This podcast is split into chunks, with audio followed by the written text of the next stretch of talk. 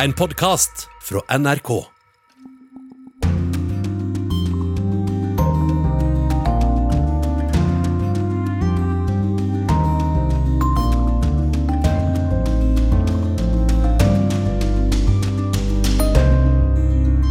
Han var i mange år talsmann for det israelske forsvaret. Nå forteller norsk-israelske Bjørn Herman Uland at han er imot den israelske okkupasjonen, og glad for våpenhvilen mellom Israel og Hamas. Det er en fantastisk følelse.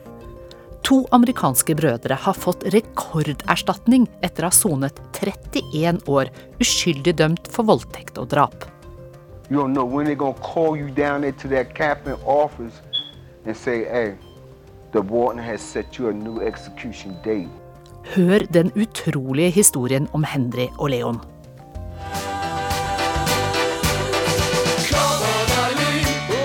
Du har ikke vært på fest i Storbritannia hvis du ikke har danset på bordene etter denne låta. Det mener Storbritannia-korrespondent Øyvind Nyborg, og han tar oss med på en musikalsk reise i sitt siste korrespondentbrev. Velkommen til Urix på lørdag, i studio Anja Strøen. Og vi starter sendingen i Midtøsten, for våpenhvilen som ble inngått mellom Israel og Hamas for knappe to døgn siden, ser foreløpig ut til å holde. Og Midtøsten-korrespondent Yama Wolasmal direkte fra Jerusalem, hva skjer nå på begge sider etter våpenhvilen? I dag åpnet Israel grenseovergangen inn til Gaza for å slippe inn både folk og varer. Det er veldig mye nødhjelp fra FN blant annet, som er på vei inn. Behovene er enorme etter elleve dager med kamper. Tusenvis av mennesker er hjemløse. Over 10 000 bygninger har blitt skadet. Vannrenseanlegg har blitt bombet. De har også bombet over 20 helsefasiliteter, blant dem det eneste laboratoriet som analyserte covid-tester på Gazastripen. Og det vil koste over 2,6 milliarder kroner å gjenoppbygge Gaza, ifølge myndighetene der. Den regningen vil det internasjonale samfunnet som alltid ta etter en krig eller konflikt med Israel. Så det er et skrikende behov for både nødhjelp og bistand til å bygge opp igjen Gazastripen. Hvordan oppleves situasjonen da? Holder man pusten, eller puster man lettet ut? Det er nok en kombinasjon. På den ene siden er man veldig lettet over at angrepene har stanset og folk kan plukke opp bitene og gå tilbake til livene sine. Men så har man jo ikke løst de underliggende årsakene til konflikten mellom israelere og palestinere. og Det er jo okkupasjonen som millioner av palestinere lever under. Og Det gjør at det når som helst kan blusse opp en ny konflikt i denne regionen. Ja, USAs president Joe Biden sa på en pressekonferanse i går kveld at dette blir krevende, men noe er helt klart. La oss høre. We still need a two-state solution. It is the only answer. The only answer. Let's get something straight here. Until the region says unequivocally they acknowledge the right of Israel to exist as an independent Jewish state, there will be no peace. Vi må ha en tostatsløsning, og det blir ikke noe fred før palestinerne anerkjenner israelernes rett til å eksistere som egen stat, sa Biden. Hva sier israelere og palestinere til deg, Yamamor Olasmal? Fra offisielt hold så vil Israel ikke ta i en tostatsløsning med ildtang engang. Det er ikke noe alternativ for myndighetene her. Men snakker man med vanlige israelere, så sier de at ja, vi ønsker å leve i fred side om side med våre palestinske naboer. De må selvsagt få sine rettigheter. Men når man spør dem om konkret denne tostatsløsningen, så har jeg opplevd at veldig mange svarer unnvikende på det. Fordi man klarer ikke å se for seg hvordan en sånn tostatsløsning skal fungere. Og hva, har man... hva med alle bosetningene på Vestbredden, som er et palestinsk område som er under okkupasjon? Ikke sant. Hva har man da oppnådd etter elleve dager med krig? Fint lite. Begge parter har vist at de kan slå tilbake mot hverandre. Begge sier at de har vunnet denne siste konflikten. Hamas sier at vi har skremt vettet av Israel ved å sende raketter inn mot israelske storbyer som vi tidligere ikke kunne ramme. Og Israel sier at vi har satt Hamas tre-fire år tilbake i tid og bombet dem sønder og sammen. Man har oppnådd fint lite. Takk til deg, Midtøsten-korrespondent Yama Wolasmal. Og vi holder oss i Midtøsten, for norsk-israelske Bjørn Herman Uland han var i mange år talsmann for det israelske forsvaret, og jeg snakket med han i går formiddag og spurte han om hans reaksjon på våpenhvilen. Eh, deilig. Stor lettelse. Ik ikke rakett over hodet. Ingen drept på begge sider. Eh, nydelig 25 grader både i Gaza og Tel Aviv. Det er hele kysten her. Ja, en fantastisk følelse. Hvorfor tror du konflikten eskalerte for elleve dager siden? For det første så er det avlyst valg hos Palestina. Eh, dårlig, det fjerde uavgjort valget i Israel. Det var ramadan. Og det var konflikt over eiendomsrettigheter i Nord-Jerusalem, i Sheikh Jarrah. Og Hamas, Hamas tro på at de skal klare å dominere Israels politikk, eller tvinge Israel eller Jerusalem-agenda inn mot, altså mot Israel. Og det er Alt har mislykket for begge, for begge sider. Hvor nødvendig var denne eskaleringen? Helt, helt, helt unødvendig. Det er ikke første eskalering, og forhåpentligvis det siste, men det er helt unødvendig. Når, når mennesker dør, så er det unødvendig. Materiell skader er forferdelig. Og til slutt, hva har man oppnådd? Ingenting. Verken Hamas eller Israel har oppnådd ingenting. I et intervju med NTB denne uken så sa du at okkupasjonen har ingen hensikt. Alle israelere som ikke stemmer på høyrepartier, mener det. Når kom du til den konklusjonen? Det er mange, mange år siden. Men eh, jo, jeg var jo liten i 67-krigen, når Israel tok over okkuperte Vestbredden og Gaza, Sinai og Golanhøydene. Men den konklusjonen jeg litt i Forsvaret, og den, bare, den ble, ble sterkere og sterkere over tid. Men det du sier nå, mente du også det da du var talsmann for det israelske forsvaret? Absolutt. Men jeg var ikke politisk talsmann. Min rolle var å rapportere, rapportere om, det, om det IDF gjør, og selvfølgelig svare på spørsmål. Hvordan var det da eh, tidligere å, å, forsvare en okkupasjon? Vanskelig. Det er, van, det er vanskelig. Selvfølgelig er det lett, alltid lett å, å legge skylda på, på, politikere. og Det er politikere som bestemmer, det er ikke Forsvaret som bestemmer om okkupasjon. Men eh, uansett så det vanskelig å forsvare. Du, Bjørn Herman Uland, jeg har så lyst til å spørre deg, for det er jo så spennende bakgrunn du har. Eh, og med det som du sier om okkupasjonen og sånn også, så, så, lurer jeg på Angrer du noen gang på den jobben du gjorde for det israelske forsvaret? Nei. Hvorfor, hvorfor skal jeg angre det? Jeg har ikke gjort noe, noe til å skade noen. Tvert om. Jeg har jo Så det er Nei, jeg har ikke tenkt på det engang. Men har du da tenkt over om det ble utført krigsforbrytelse av Israel i de okkuperte områdene? Ja, men det, det De truslene jeg har hørt, og det, det, jeg er ingen jurist, så jeg kan, jeg kan ikke kommentere om det. Jeg vet ikke. Nei. Det er riktig eller ei. Så det er det er, for, det er et spørsmål jeg, jeg, vet, jeg kan ikke svare, for jeg vet ikke. Du, det er fire år siden du forlot jobben som talsmann for det israelske forsvaret. Hvordan vil du beskrive deg selv i dag? Altså, hvor, hvor står du politisk? Jeg står på det som heter Israel Venstre. Men eh, det er litt forvirrende for nordmenn, for venstre og høyre i Israel er helt annet enn venstre og høyre i Norge. Venstre i Israel er partier som er for forsoning, som inkluderer, som inkluderer tilbaketrekking fra Vestbredden. Har du tro på våpenhvilen som kom nå? Nei. Altså, hvis man ser hva som skjedde siden Israel trakk seg ut fra Gaza, så har det vært flere slike runder.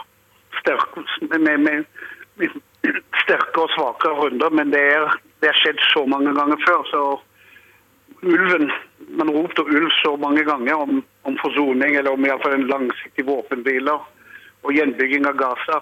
Og hver tre-fire år så fyrte det opp igjen. Men også imellom så ble Israel angrepet av raketter, og Israel angrep tilbake. Så har det vært virkelig rolig de siste 15 år. En ting til, altså Jeg jobber personlig med palestinere og israelske arabere veldig nært. Jeg vet akkurat hva, hva, de føler. Ikke til mikrofon og ikke til journalister. Hva de inderlig føler. De vil stå på morgenen, gå på jobb, tjene penger og ha et godt liv. De er ikke interessert. De, de, de, de, er ikke opptatt av okkupasjon, ikke okkupasjon. De vil ha et selvstendig, bra liv.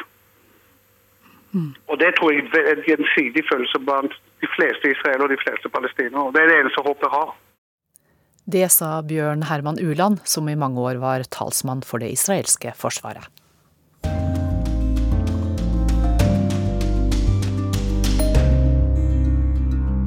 Vi skal til USA, for der har et brødrepar fått rekorderstatning etter å ha sittet 31 år i fengsel uskyldig dømt for voldtekt og drap. Dette er historien om Henry Lee McCollum og Leon Brown. Death row is a place of suffering, agony, nightmare. Dette er et sted med lidelse, sinne og mareritt. Henry McCollum sitter bak glass og gitter i en rød fangedrakt og forteller til lokalavisa News and Observer hva en dødsdom gjør med deg. Den svarte mannen i 50-åra veit hva han snakker om. I 31 år var han og den yngre halvbroren fengsla for et drap de ikke hadde begått. For å forstå hvordan dette kunne skje, må vi tilbake til sommeren 1983. Henry McCollum, som da var 19 år, var på besøk hos mora og den 15 år gamle halvbroren Leon i den amerikanske delstaten Nord-Carolina. Da en 11 år gammel jente blei funnet voldtatt og kvalt i en åker, valgte politiet å gå etter noen rykter de hadde snappa opp ved den lokale videregående skolen. Henry, som var utenbys fra, hadde oppført seg mistenksomt og kunne muligens være involvert. Dette ble starten på et langt mareritt for de to halvbrødrene, som er lettere psykisk utviklingshemma. For en kveld sto politiet på døra hos den lille familien og ba Henry bli med til politistasjonen. Avhøret varte til langt på natt. Henry ville helst bare komme seg hjem, men politiet sa at han først måtte fortelle sannheten. Etter fire og en halv time tilsto 19-åringen. Historien han fortalte, var fylt med detaljer som han hadde hørt fra politiet. Sjøl om han nesten ikke kunne lese, underskrev han tilståelsen, før han igjen spurte Kan jeg få gå hjem nå? Men det skulle gå over 30 år før Henry fikk komme hjem. Og i historien som Henry dikta opp til politiet, fortalte han også at halvbroren, 15 år gamle Leon Brown, hadde vært med på drapet. Natta på politistasjonen endte med at også lillebroren tilsto. Året etter ble begge dømt til døden. Men så. I 2014 snudde saka. Over fire år tidligere hadde lillebror Leon skrevet et brev til delstatens gjenopptakelseskommisjon, som nå hadde konkludert. Sa lederen for kommisjonen til den lokale TV-stasjonen Vrål. Og det var DNA-prøver som gjorde det klart at brødrene ikke kunne stå bak drapet. Nye undersøkelser viste at DNA på en sigarettstump fra der den elleve år gamle jenta var blitt drept, tilhørte en mann som hadde begått et lignende drap noen uker seinere i det samme området. Brødrene ble frikjent. I can't um, really describe it, right? But um, it feels good. It's a blessing to be free. Sa Henry og Leon i sitt første intervju sammen i frihet. Etter 31 år forlot brødrene fengselet og ble ønsket velkommen hjem av familie og slekt. Tenåringene var blitt godt voksne. Henry 54 år, Leon 50. Og for lillebror var det tøft at mora hadde gått bort to år før de slapp ut. She told me when I got out of prison, she was going to take me shopping, buy the whole mall for me. After she said that, the next thing I heard, report to the chaplain office. He said your mother passed. Men oppgjøret i retten var ikke ferdig. Brødrene gikk til sivilt søksmål mot delstatens etterforskningsorgan. Advokatene deres mente bl.a. at tilståelsene var blitt tvunget fram og at bevis var fabrikkert. Og forrige fredag ble brødrene tilkjent til sammen 688 millioner kroner i erstatning. En av de høyeste summene tilkjent i USA for et justismord. Forsvarer Desmond Hogan sa til nyhetsbyrået AFP at dette var en klar beskjed fra juryen om at tida med å ignorere rettighetene til fattige, fargede og de marginaliserte i utkantstrøkene var forbi. Storebror Henry er ikke bitter. men har fortalt at det tøffeste har vært å leve med en dødsdom hengende over seg i over 30 år. You don't know when your time gonna come. You don't know when they're gonna call you down into that captain office and say, hey, the warden has set you a new execution date. Og da rekorderstatningen ble kjent, var Henry sin beskjed til journalistene denne. Han hadde fått sin frihet, men fortsatt sitter det uskyldige folk i fengsel, og de fortjener ikke å være der. Det var reporter Kari Skeie som fortalte historien om Henry og Leon. Nå skal vi til Frankrike, for der har et voldelig angrep på politiet i en av forstadene sør for Paris for fem år siden nådd avisoverskriftene igjen. To politifolk ble alvorlig skadet da politibilen ble angrepet av en mobb. De kastet Molokov-cocktails inn i bilen, og de to politifolkene fikk brannskader. Åtte av de 13 som ble dømt for angrepet, ble frikjent i en ankesak. Og nå viser det seg at politiet ikke har gjort ting helt etter boka, for å si det mildt. Putain, t'es pas un bonhomme, quoi. T'es rien, en fait. Tu fous tout le. Hva er det vi hører her, eh, reporter Marit Kolberg? Du er en noksagt en ingenting, og du kødder med alle, sier denne politimannen til en eh, ung mann som er arrestert. Og dette er opptak fra forhørene etter det som skjedde i 2016. Da var det en mobb på rundt 20 personer som angrep eh, to politibiler i en forstad sør for eh, Paris. Dette er en forstad med mye sosialboliger, høy arbeidsledighet og ja, lite velstand, kan vi kanskje si. da.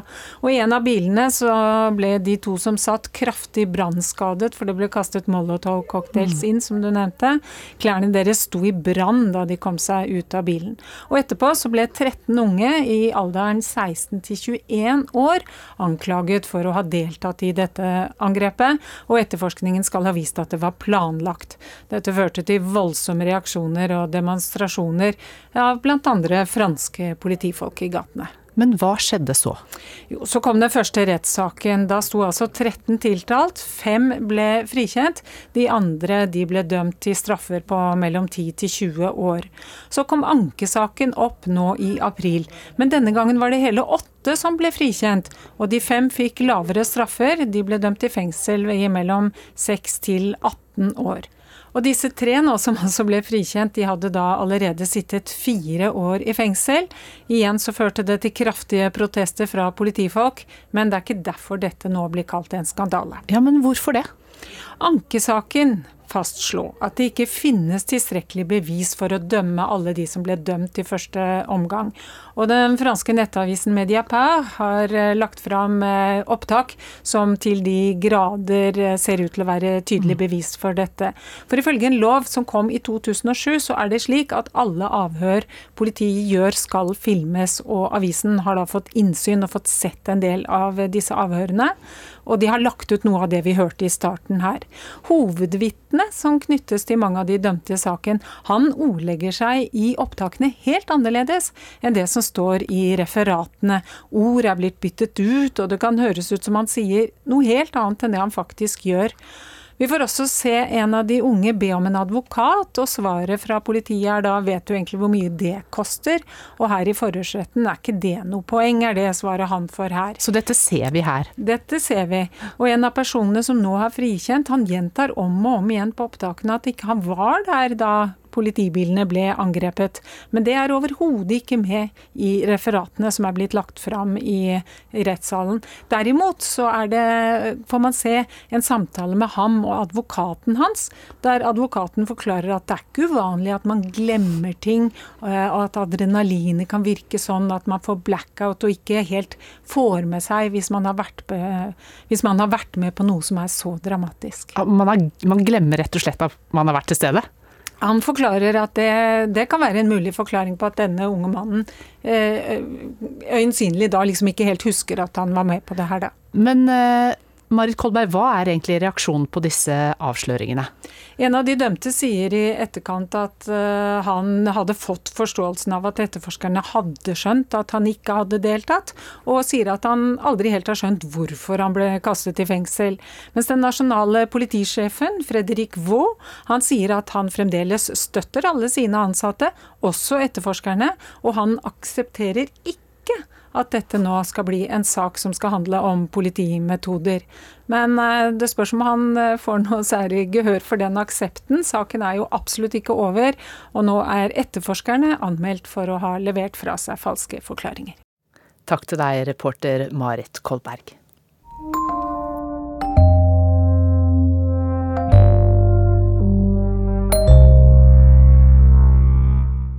President Assad har skrevet ut valg i Syria kommende onsdag. Valget vil finne sted mens Syria kontrolleres av forskjellige grupper, og bare 30% av syrerne har stemmerett. Selv om, det, om FN og de fleste av verdens land ikke ser på presidentvalget som et reelt valg, så kan det få store negative konsekvenser for Syria. Lederen for konstitusjonsdomstolen i Damaskus leser opp navnene på presidentkandidater. En av de har sittet ved makten siden hans far Hafez al-Assad døde i 2000. De to andre er helt ukjente, og dessuten politiske allierte av den sittende presidenten Bashar al-Assad. Alle vet at dette ikke er reelle valg. De er verken godkjent av FN eller de fleste av verdens land. Likevel har Assad noe å vinne på å holde de, sier Osama Shahin, redaktør for det norsk-arabiske tidsskriftet DER. Det Assad ønsker seg nå, er kontroll. Det Assad ønsker seg, er tid. Og dette valget gir han tid for å skape stabilitet i regimet, slik at han sikrer sin egen maktposisjon. For oss syrere i Syria eller ut av Syria, det valget betyr ingenting. Selv om kandidatene hadde vært reelle, hadde valget likevel ikke vært legitimt, fordi sju av ti syrere ikke har lov til å stemme. Folk som bor i områder der Assad-regimet ikke har kontroll, får ikke delta i dette valget. Det kan heller ikke sju millioner syriske flyktninger. Det, det som er interessant her, er ikke hvem som kommer til å stemme, men hvem kan. Det er fordi fem millioner for eksempel, som bor i Idlib og områdene rundt Aleppo, det er områdene som ikke er under regimets kontroll, de får ikke å stemme. Oss flyktninger kan heller ikke stemme pga. at regimet sa at de som har forlatt landet ulovlig, eh, kan ikke stemme i valget. I flere omganger har en FN-sanksjonert gruppe forsøkt å lage en ny syrisk grunnlov. Til stede i forhandlingene i Genéve er både Assads støttespillere, Iran og Russland, og representanter for den syriske opposisjonen. Et valg uten en konstitusjon ødelegger forsøket på å skape varig fred, sier forsker ved Universitetet i Oslo, Cecilie Hellestveit. Nei, Nå har jo Sikkerhetsrådet for så vidt vært ute og, og, indikert at dette er ikke et valg som tilfredsstiller dette her kravet i den FN-ledede prosessen med en politisk overgang til, til et nytt regime i Syria. Og det er nok veldig få land utenfor Syria som egentlig synes det er en god idé at eh, de samme lederne i Syria skal prøve å presse Syria inn igjen i det samme systemet som fantes før borgerkrigen. Selv om FN og en rekke land har tatt avstand fra valget, er det land i Midtøsten som setter pris på en stabil partner i Syria, sier syrisk aktivist Zaina Bali. Israel, Israel nå vil ha Assad på makten fordi det er mer stabil. Eh, også vi ser noen andre arabiske land, de arabiske forentene, som har eh, begynt å ha noen samtaler med Assad igjen. Krigen i Syria har skapt sju millioner flyktninger.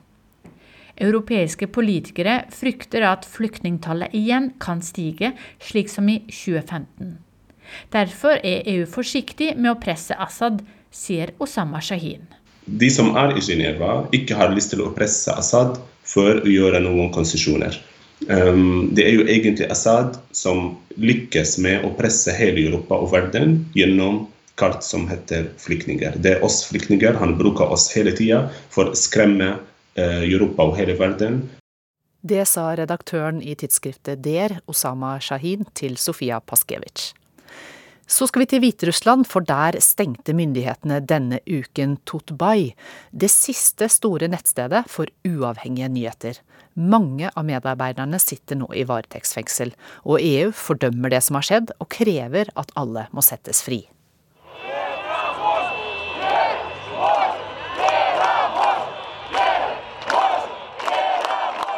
Vi tror vi kan og vi vil vinne, ropte demonstranter i Hviterusslands hovedstad Minsk i fjor høst. De som protesterte, krevde at president Aleksandr Lukasjenko måtte gå av.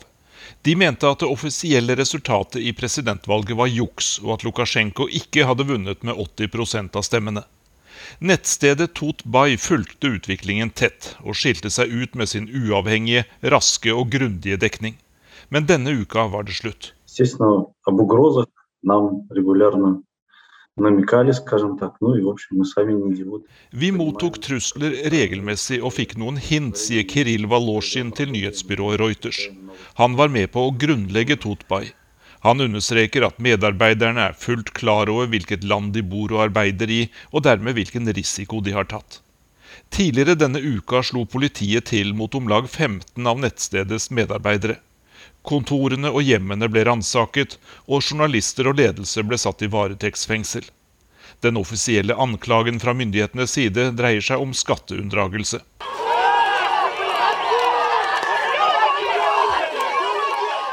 Ifølge menneskerettsorganisasjoner har om lag 35 000 mennesker blitt arrestert i Hviterussland siden urolighetene startet etter presidentvalget i august i fjor. Myndighetene sier at det er satt i gang rettssaker mot mer enn 1000 personer. Flere titalls har blitt dømt til fengselsstraffer. I en uttalelse fra EU heter det at trakasseringen av journalister i Hviterussland må ta slutt, og at de som er i fengsel må settes fri umiddelbart, sammen med alle andre politiske fanger.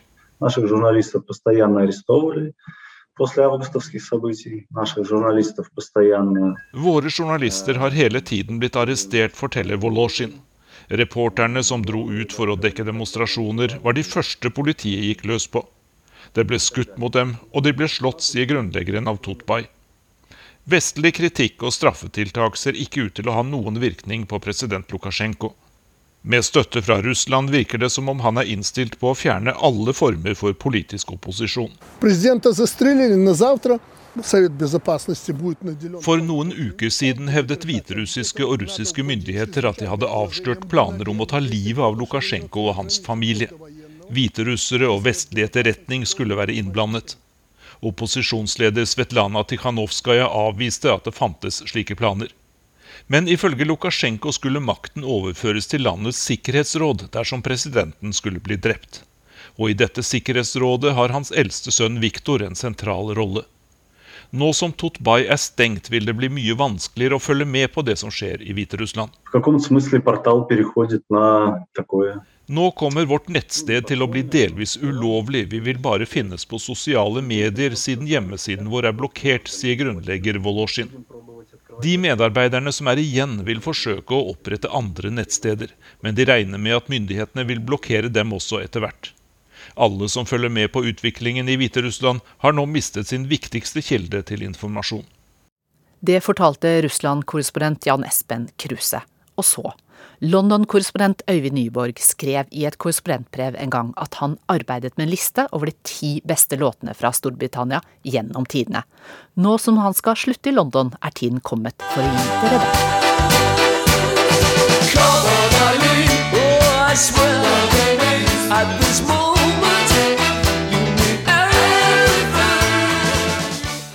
Du har ikke vært på fest i Storbritannia hvis den ikke har endt med at noen danser på bordene etter Come On Eileen av Dexys Midnight Runners.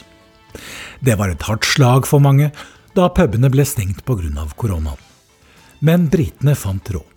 Salget av alkohol har steget under pandemien, og mange tok glassene med seg i parken eller til Zoom-møter. Denne ukens gjenåpning av pubene har ført til at den nasjonale mentale likevekten er gjenopprettet. Vaksineprogrammet er så vellykket at tometeren trolig blir fjernet 21.6. Min etterfølger Gry Blekastad Almås vil komme til et optimistisk Storbritannia, der det normale livet etter alle solmerker er tilbake.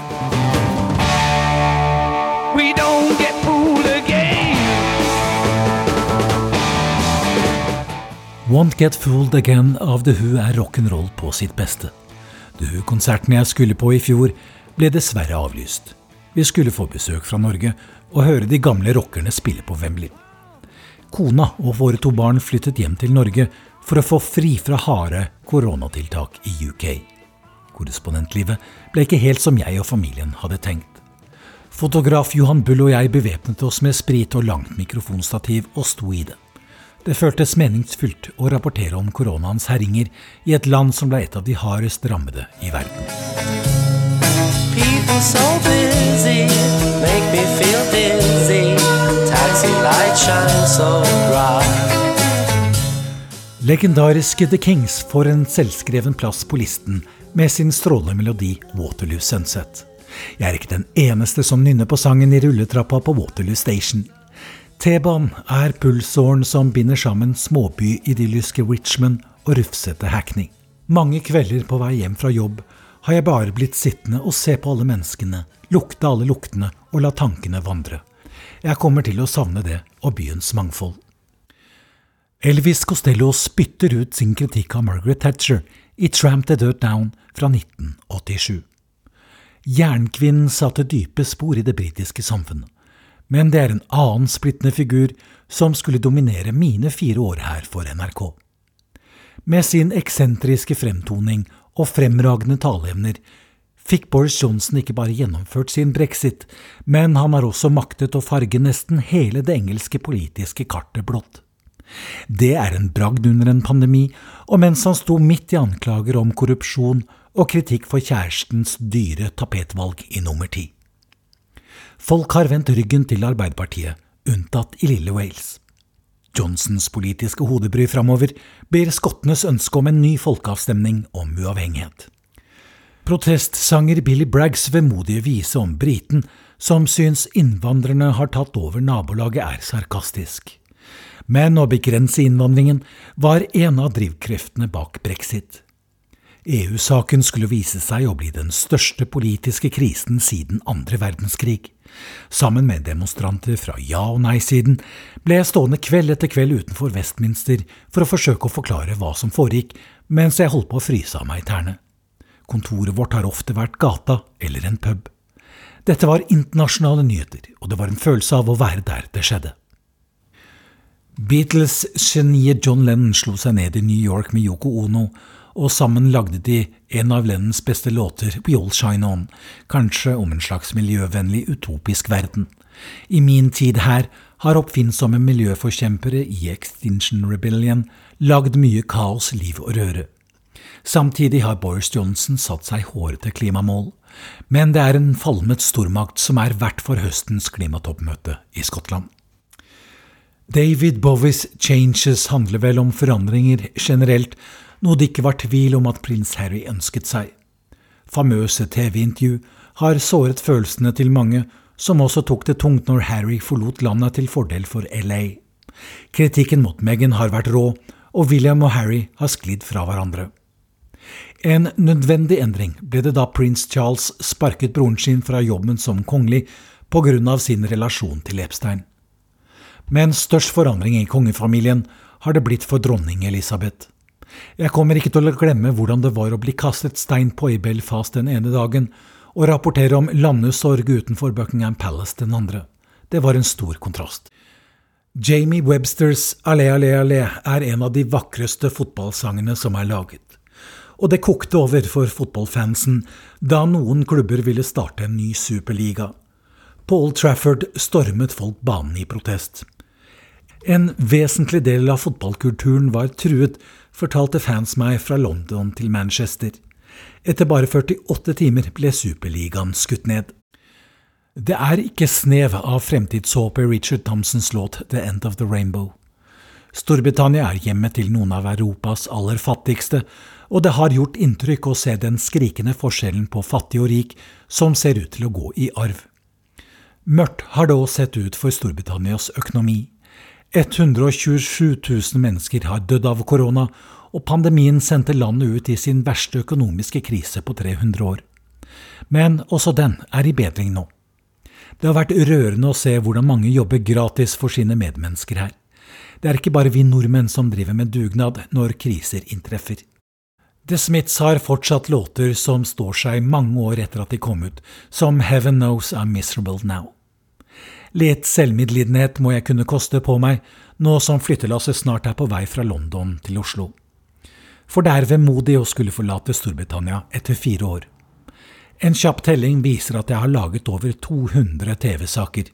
Jeg har forsøkt å fortelle historiene mine gjennom vanlige folk. Håper du har likt noen av dem. Det har vært et privilegium å være NRKs korrespondent på de britiske øyer. Takk for meg.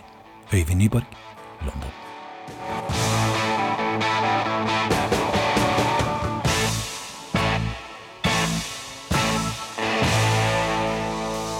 Og alle låtene kan du nå høre på nrk.no. Da er det tid for ukas Krig og fred, som skal handle om fake news og propagandakrigen mellom Israel og Hamas. En kveld i forrige uke kom det ei kunngjøring på Twitter fra det israelske militæret. En bakkeinvasjon i Gaza var i gang. Nå skulle ikke Israel og Hamas nøye seg med bare å skyte raketter mot hverandre. Nå skulle israelske soldater slåss mot militante palestinske islamister inne i gatene i Gaza. Journalister over hele verden meldte at her kommer invasjonen, og gjorde seg klare for en ny krig. Det var bare det at nyheten ikke var sann. Det kom ingen invasjon. Hva skjer når alle prøver å lure alle på denne måten? Hvem kan vi stole på når det ikke bare er krig, men også propagandakrig og psykologisk krigføring? Du hører på Krig og fred med Tove Bjørgaas og Tore Moland. I Jerusalem. Store israelske styrker står på grensen til Gaza. Er det nå starten på en israelsk invasjon vi ser? Det som skjer på grensen til Gaza, har alle kjennetegnene til en invasjon. Det var nøyaktig denne måten Israel IDF air and ground troops are currently attacking in the Gaza Strip. Sånn lød Twitter-meldingen som ble sendt ut like etter midnatt natten mellom torsdag og fredag i forrige uke. Og kunngjøringen ble sendt ut både på hebraisk og på arabisk også, og avsenderen var IDF, som betyr Israeli Defense Forces, altså det israelske forsvaret, som sa at nå angriper de Gaza med bakkestyrker. Og da ble det full fyr i allerede godt kokende nyhetssendinger verden over.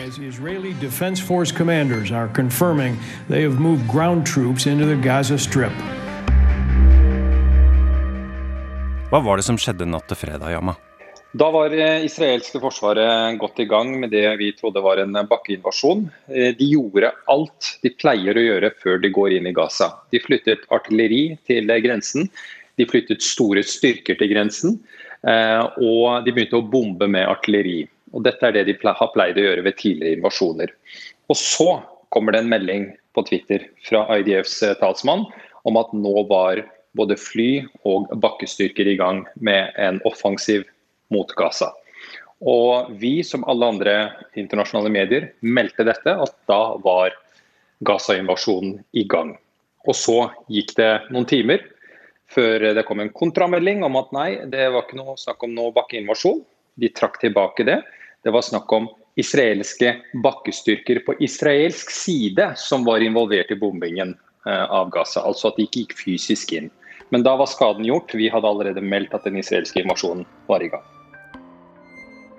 Jeg heter Yama Olasmann, jeg er NRKs Midtøsten-korrespondent, og jeg er i Jerusalem akkurat nå. Vi ble rett og slett lurt ved Yama? Det er den følelsen de fleste journalistene jeg snakker med, sitter inne med. Jeg var en av de som meldte eh, om denne bakkeoffensiven.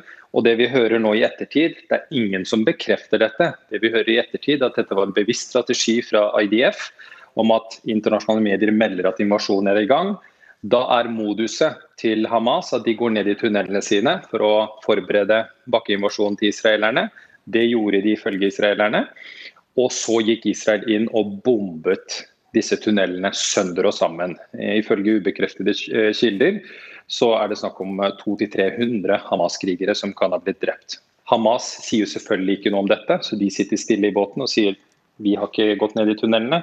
Vi får aldri vite hva som skjedde, men følelsen av å ha blitt lurt, den sitter vi inne med. Er det da sånn at vi og resten av internasjonale medier har vært med på å lokke Hamas i en felle som det israelske forsvaret har satt, rett og slett? Hvis det stemmer, det som igjen ubekreftede kilder sier til israelske medier, at etter denne meldingen så rykket Hamas-krigerne ned i tunnelene sine og planla for israelsk invasjon, og at hundrevis av dem ble drept der, så er det åpenbart at vi har blitt brukt av eh, IDF. Og Det som er farlig med det, er at uh, enhver part i enhver konflikt er helt avhengig av troverdigheten sin. Uh, og jeg må innrømme at etter den hendelsen så har jeg dobbelt- og trippelsjekket det, den informasjonen som kommer fra IDF sin side. PsyOps Psykologiske operasjoner kalles det gjerne på engelsk når noen sprer informasjon for å påvirke folks følelser, motiver og tankebaner, for sånn å endre oppførselen til myndigheter, grupper eller enkeltmennesker.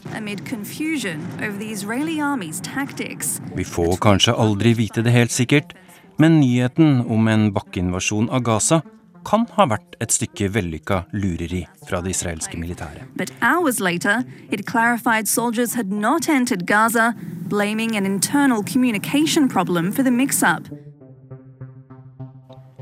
Hva slags uh, informasjonskrig er det vi står oppe i? Vi eh, som journalister skal jo søke sannheten. Vi skal rapportere om det som skjer, når eh, det skjer, eh, og så godt det lar seg gjøre få bekreftede opplysninger. Og så er det jo sånn at alle parter som er involvert her, har jo en interesse av å framstille ting i, i sin fordel. Så er det vår oppgave da å skille mellom det som er sant og ikke sant, og få bekreftede informasjon ut til publikum, i vårt tilfelle det norske publikummet. Og så må vi da prøve å, å holde styr på hva som er bevisst feil informasjon, hva som er eh, bare skje, som skjer i krigens eh, kaos. Eh, det er mye av det også. Men det er klart at kampen om folks både sympati og, og, og verdens oppmerksomhet er jo også Og der spiller jo media en viktig rolle. Det, det vet vi jo. Sigurd Falkenberg Mikkelsen heter jeg. Jeg er utenrikssjef her i NRK og har tidligere vært Midtøsten-korrespondent. Hva tenkte du da nyheten om bakkeinvasjon i Gaza kom natt til fredag, Sigurd? Jeg tenkte jo at uh, nå skjer det. Uh, nå skal uh, er, vi er på vei inn i en ny fase av krigen. Og grunnen til at vi slår opp disse tingene så stort, er at vi vet at idet det blir bakkekrig Det er ille det som foregår nå, men idet det blir bakkekrig, så blir det virkelig uh, alvorlig for uh, de sivile. Og krigen går inn i en uh, helt ny fase. Også utrolig mye mer uoversiktlig konsekvenser for resten av Midtøsten. Så det er på en måte et vannskille uh, idet israelerne går inn med soldater, og det er derfor media er så opptatt av det. Men så gikk de jo ikke inn med soldater. Ble mediene lurt, rett og slett? Vi måtte i hvert fall trekke tilbake uh, de nyhetsmeldingene uh, våre uh, om at de var på vei inn. NRK, i likhet med de aller fleste internasjonale medieorganisasjoner, meldte jo dette med bakgrunn i israelske kilder. Eh, og i utgangspunktet så trodde vi jo bare at det hadde vært en forvirring. Eh, og så har vi sett de spekulasjonene i etterkant, da, i israelske medier bl.a., eh, om at det var en bevisst manøver fra israelerne. Men vi får jo aldri helt vite hva som har foregått der. Hva skulle hensikten med en slik bevisst manøver eventuelt har vært?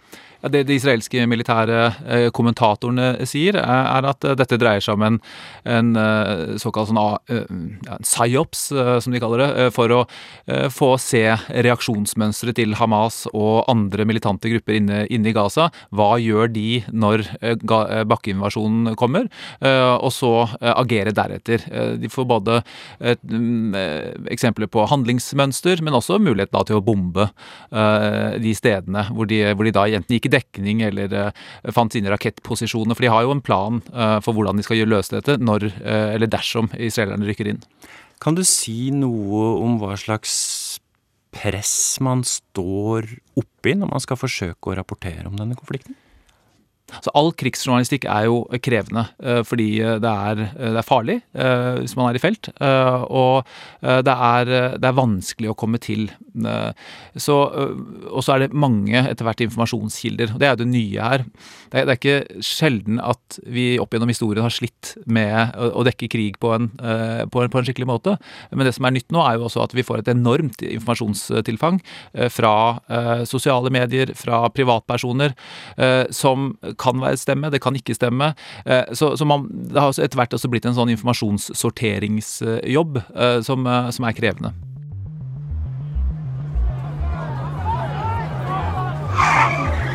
Her er en video som har gått viralt. Fra Øst-Jerusalem i forrige uke. En israelsk bosetter kjører i stor fart inn i en gruppe palestinske ungdommer som demonstrerer. Men hva var det egentlig som skjedde her? Var det egentlig et angrep på palestinske ungdommer, der gjerningsmannen etterpå ble beskyttet av politiet, slik sinte palestinere trodde? Veldig brutal video hvor du ser disse ungdommene, ungdommene bli slengt 10-15 meter bakover. Og så går andre ungdommer løs på denne bilen og sjåføren og holder på å banke han opp. Så kommer en israelsk politimann med et våpen og jager vekk de palestinske ungdommene. Det var klippet. Og jeg husker at Da jeg så det, så var det ekstremt provoserende. Fordi man ser en bosetter kjøre ned ungdommer, og så blir han da beskyttet av israelsk politi. Så gikk det noen dager, og så fikk vi se hele klippet. Eh, vi gikk heldigvis ikke ut med den videoen. Eh, da så vi hele klippet, og det viste at den bosetteren kjørte nedover en vei. Før han kjører inn i ungdommene, så har han blitt pepret av eh, ungdommene med steiner. Og i den desperasjonen for å komme seg vekk, så kjørte han ned de ungdommene. Da fikk vi hele bildet.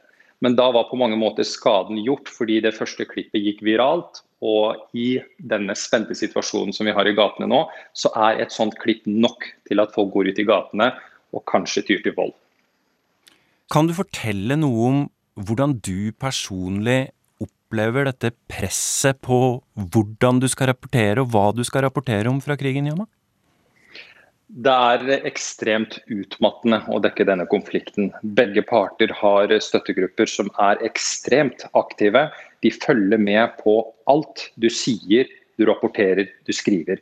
Eh, her om dagen så sa en av programlederne i overgangen til eh, min eh, live i Dagsrevyen at rakettene har regnet over Israels hovedstad Tel Aviv.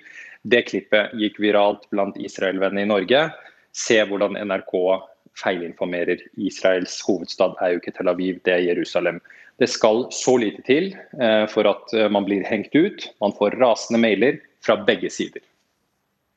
Forklar meg hvordan Israel-Palestina-konflikten er annerledes å dekke enn andre konflikter i Midtøsten, Yama Wolasmal?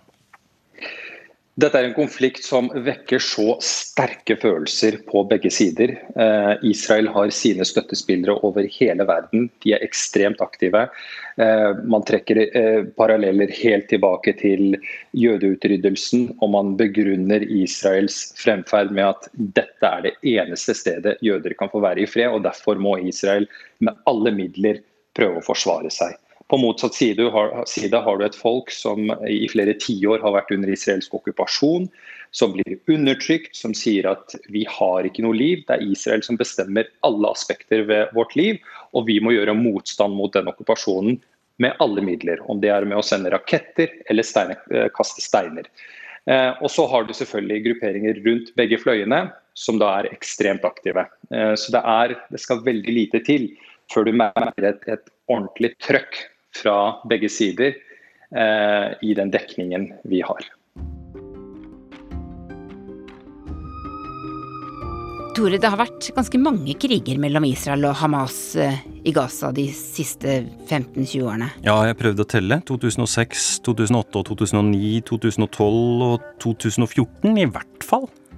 Og det var under den forrige krigen, i 2014, at den amerikanske komikeren John Stewart prøvde å forklare hvordan det var å dekke det hele. Last Thursday saw the start of a new ground offensive launched by Israel. John Stewart ledet jo The Daily Show før. Og han har en uh, sketsj som han har lagt ut, hvor han da sitter i studioet sitt, og så begynner han å si at ja, nå skal vi til Israel, for der har og så kommer han ikke lenger i setningene sine, for det dukker opp masse mennesker i studioet hans som begynner å rope og rope og rope. Hva har du tenkt å si om Israel? Eh, du må ikke snakke stygt om Israel og jødiske, den jødiske staten. Eh, og det, det blir et, eh, et kakofoni uten like. Og til slutt så blir han helt sliten, og så sier han OK, vi skal heller snakke om palestinerne. Is not the same thing as being pro Hamas. So you're against murdered children? Free Gaza! Og så dukker masse sinte mennesker opp og, og, og, og, roper igjen og klager og hyler, sånn at han ikke greier å høre sine egne tanker engang. Og dette syns jeg var uh, veldig morsomt, fordi at jeg kjenner meg veldig godt igjen i det. Fordi denne konflikten er jo en cocktail av uh, Det er menneskerettigheter, det er religion. Det er en veldig vanskelig historie, det er holocaust. Og det er veldig, veldig sterke følelser. Og man blir jo helt gæren av denne konflikten. Både vi som jobber med den, vi som har jobbet med den, og alle som kommer i berøring med den, går aldri umerket videre. Jeg heter Sissel Wold. Jeg er korrespondent i Istanbul nå, men har bodd til sammen fem år i Jerusalem og tre år i Israel tidligere da jeg var ung. Så jeg kjenner Israel veldig godt, og denne konflikten veldig godt. Ja, Når det gjelder den israelske siden, så har jo israelske myndigheter noe som heter hasbara. Det kommer av verbet lehaspir på hebraisk, som betyr å forklare. Altså å forklare Israel. Og dette er en blanding av spinn og propaganda og informasjon. Og, og nettopp det å vinne vinne krigen om sympatien tror jeg av og til er like viktig som å vinne militært. Så dette satte man jo masse krefter på, særlig etter den andre intifadaen. Og dette går da ut på å innprente i det internasjonale miljøet, blant diplomater, blant journalister og i det hele tatt, at Israel har alltid ønsket seg fred, men har ingen partner. Palestinerne vil ikke ha noen tostatsløsning. Dessuten er de splittet, og de er terrorister. Eh, konflikten kan ikke løses akkurat nå, så vi må vente til tiden er inne. Og så status quo er bedre enn å ha en krig, og mediene er imot oss. Dette er disse talepunktene som de brukte veldig mye, og fremdeles bruker. Eh, men det var også et veldig press mot journalister. Og jeg husker en gang så ga jeg et intervju på engelsk, fordi det var de engelskspråklige journalistene som hadde det verst, fordi at de når jo mange flere. Og dette intervjuet var i en bitte liten nettavis, tror jeg, i Stavanger for utlendinger som jobbet med olje. Og en bitte liten nettavis som ikke jeg hadde hørt om. Men med en gang det kom på trykk, så var det en mann som ringte meg fra det israelske utenriksdepartementet og skulle begynne å diskutere dette med meg, for jeg hadde ikke forstått virkeligheten helt riktig. Og sånn. Og jeg bare tenkte at jeg måtte trekke intervjuet med en gang, for jeg orket ikke den diskusjonen om ord og vendinger, og jeg skjønte at han kunne gjøre livet veldig surt for meg fordi at han var fra Utenriksdepartementet. Så da måtte jeg bare trekke intervjuet.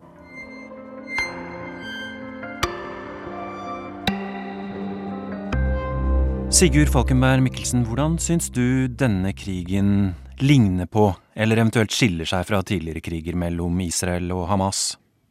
Jeg tenker i hvert fall, hvert fall to ting. For Sett fra et journalistståsted så kommer vi jo ikke så tett på som vi har gjort tidligere. Fordi man ikke kommer inn i Gaza? Vi har ikke kommet inn i Gaza. Det har vi gjort ved alle tidligere kriger. Så har det vært åpninger, det har vært lommer. Det israelske forsvaret har sluppet oss inn. Vi har også sluppet inn på palestinsk side. Det har vært farlig noen ganger, men vi har kommet oss inn i Gaza.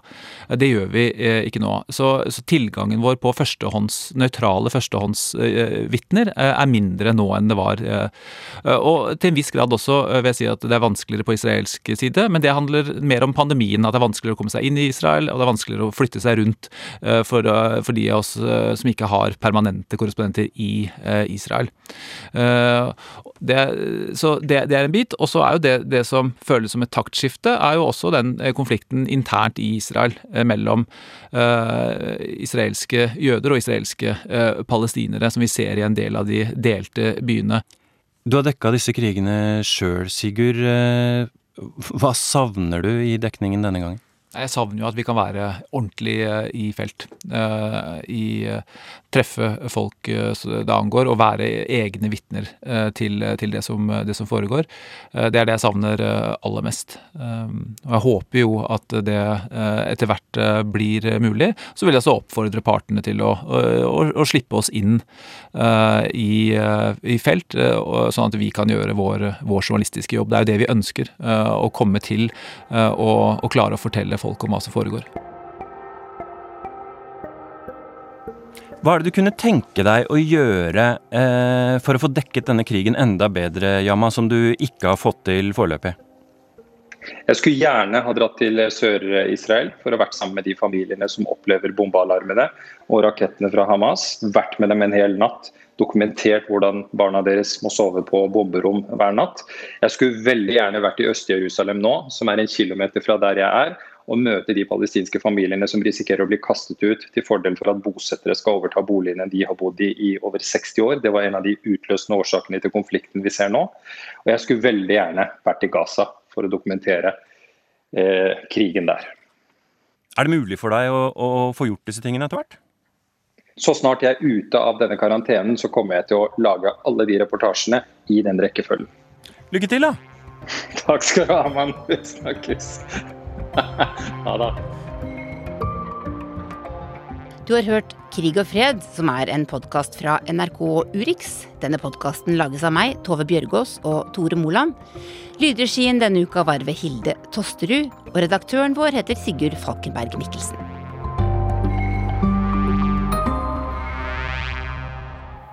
Urix på lørdag takker for laget. Husk du kan høre sendingen når som helst som podkast. Teknisk ansvarlig i dag var Bobo Bjørnskjold, produsent Truls Lien og i studio Anja Strønen.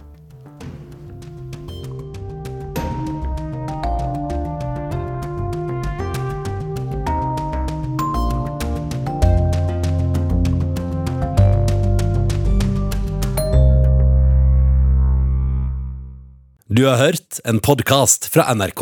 Hør flere podkaster og din favorittkanal i appen NRK Radio.